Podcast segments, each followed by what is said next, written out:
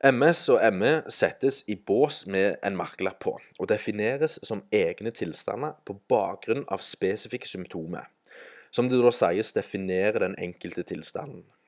Dette da til tross for at tilstandene er særdeles lite forstått. De er òg tilstander som moderne medisin påstår at det ikke eksisterer en kur for, og behandles ofte med psykiatriske medisiner. Når det er sagt, så er de i bunn og grunn én og samme tilstand, men med et større spekter av symptomer. Hvis vi tar MS som et utgangspunkt, og husk dette her blir høyst relevant for ME, så er det en tilstand som har flere underliggende konflikter som kan deles inn i en emosjonell konflikt, en motorisk konflikt og en separasjonskonflikt. Det vil alltid være tre eller flere av disse konfliktene med i bildet hos den enkelte som er rammet av MS. Og Hvis vi starter med den motoriske konflikten, så forekommer den i en situasjon som oppstår i livet til den utsatte, der han føler seg fanget eller låst, kort fortalt. Den aktuelle fysiske delen av kroppen, nærmere bestemt en spesifikk muskel eller muskelgruppe, vil være direkte relatert til konfliktens natur.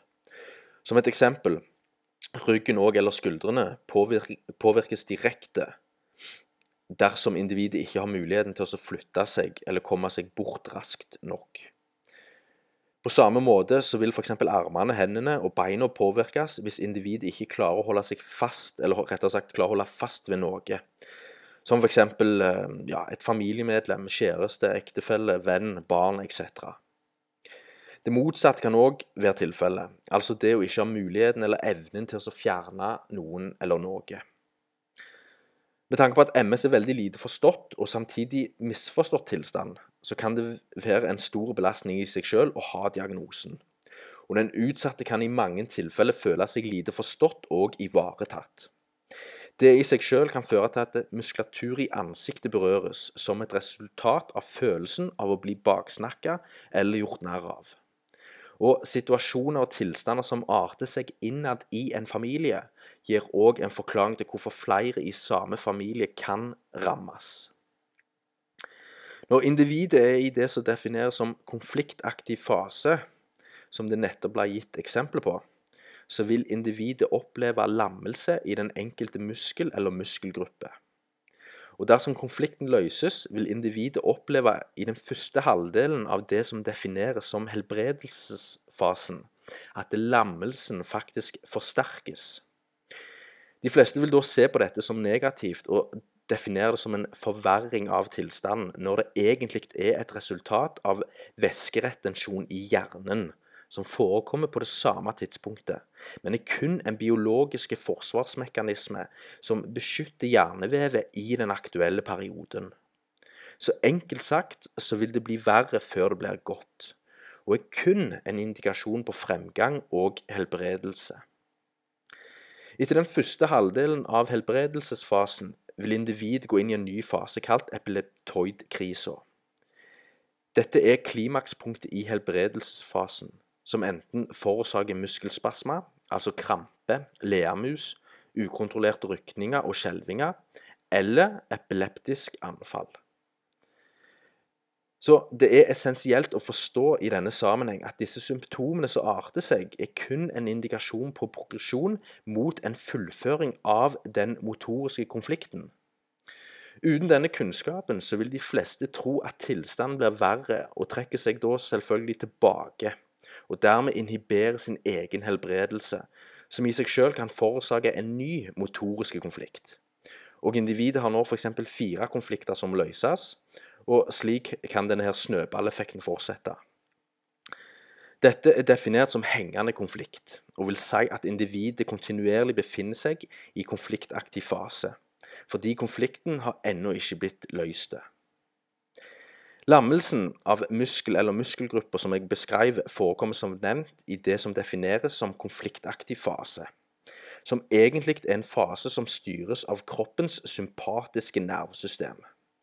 Så uten å gå for dypt inn i eh, metodikken her, så tenk på lammelsen som forekommer i muskelen eller muskelgruppa, som en, en, eh, en strømførende ledning som kuttes tvers over. Når helbredelsen er på topp, så føres ledningene inntil hverandre igjen. og det oppstår da gnistdannelser som et resultat av tilkoblinga. Og ja, så kan egentlig ses på som en gjenoppliving av muskulaturen. Jeg har nå gått gjennom den motoriske konflikten og ga eksempler på den, men som nevnt så eksisterer det to T-konflikter. Neste i rekka er den emosjonelle konflikten. Denne oppstår når individet ser på kroppen sin som svak og ikke kompatibel, og anerkjenner det overfor seg selv og gir på mange måter opp. Og På samme måte som med den motoriske konflikten, så vil en muskel eller muskelgruppe rammes. Dette arter seg som muskelatrofi, altså muskelsvinn i den konfliktaktive fasen. Og dersom konflikten løses, vil muskulaturen eller muskelgruppa repareres, og symptomer som inflammasjon, med smerte og eller hevelse, vil oppstå i den første halvdelen av helbredelsesfasen. På lik linje som med den motoriske konflikten vil det først bli verre før det blir bra, men igjen er kun en indikasjon på fremgang og helbredelse. Den siste konflikten derimot, kalt separasjonskonflikten, er en konflikt hos den utsatte som påvirker epitellvevet, som vil si da huden.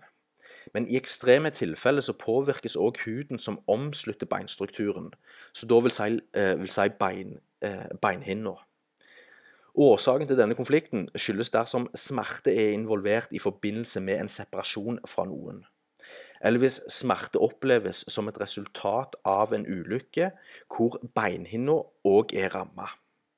En annen tilnærming er et desperat ønske om å ikke føle noe, inkludert smerten i seg sjøl. I den konfliktaktive fasen så vil da individet rammes av nummenhet lokalt i den utsatte delen av kroppen, samtidig som kroppen føles kald. I denne konflikten vil òg den utsatte oppleve hukommelsestap, ofte i eh, relasjon til korttidshukommelsen. Løses konflikten, vil individet i den første halvdelen av helbredelsesfasen oppleve de nye, eller rettere sagt de nevnte symptomene, som nummenhet, kalde ekstremiteter og tap av hukommelse. Som et praktisk eksempel på alt som jeg har beskrevet her, så vil et individ som befinner seg f.eks. i en separasjonskonflikt, som jeg nettopp beskrev, bli merka med symptomer på MS pga. symptomer som nummenhet, kalde ekstremiteter og hukommelsestap. Så når den utsatte får diagnosen av legen eller den såkalte eksperten, så vil realiseringa eller sjokket i seg sjøl danne en ny konflikt, da definert som den motoriske konflikten pga. visualiseringa av de potensielle restriksjonene i mobilitet og bevegelse, og i verste fall en tilværelse i rullestol. Og Når denne motoriske konflikten inntrer, så ruller som regel snøballen, og den emosjonelle faktoren oppstår, med muskelatrofi pga. tanker og følelser av å være fanga i en svak og ukompatibel kropp. Hvis individet klarer å løse konflikten, så oppstår raumatisk-lignende smerte, prikking og overfølsomhet. Lammelsene fra den motoriske konflikten og muskelatrofien fra separasjonskonflikten forsterkes.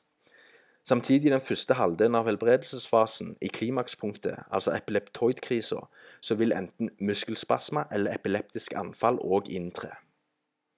I den siste halvdelen av helbredelsesfasen går kroppen tilbake til normalen dersom individet er klar over at symptomene som arter seg, kun er en indikasjon på helbredelse.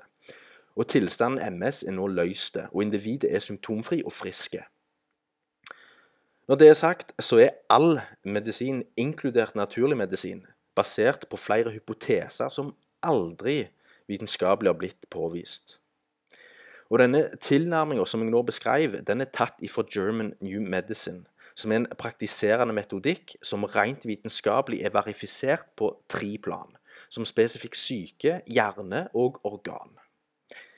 Kroppen den går gjennom ulike faser under et sykdomsforløp eller tilstand, og er kort sagt en biologisk prosess der kroppen kurerer seg selv dersom forholdene er lagt til rette, på samme måte som sår leges. Dette er stikk motsatt av moderne medisin, som kun behandler sykdom og tilstander.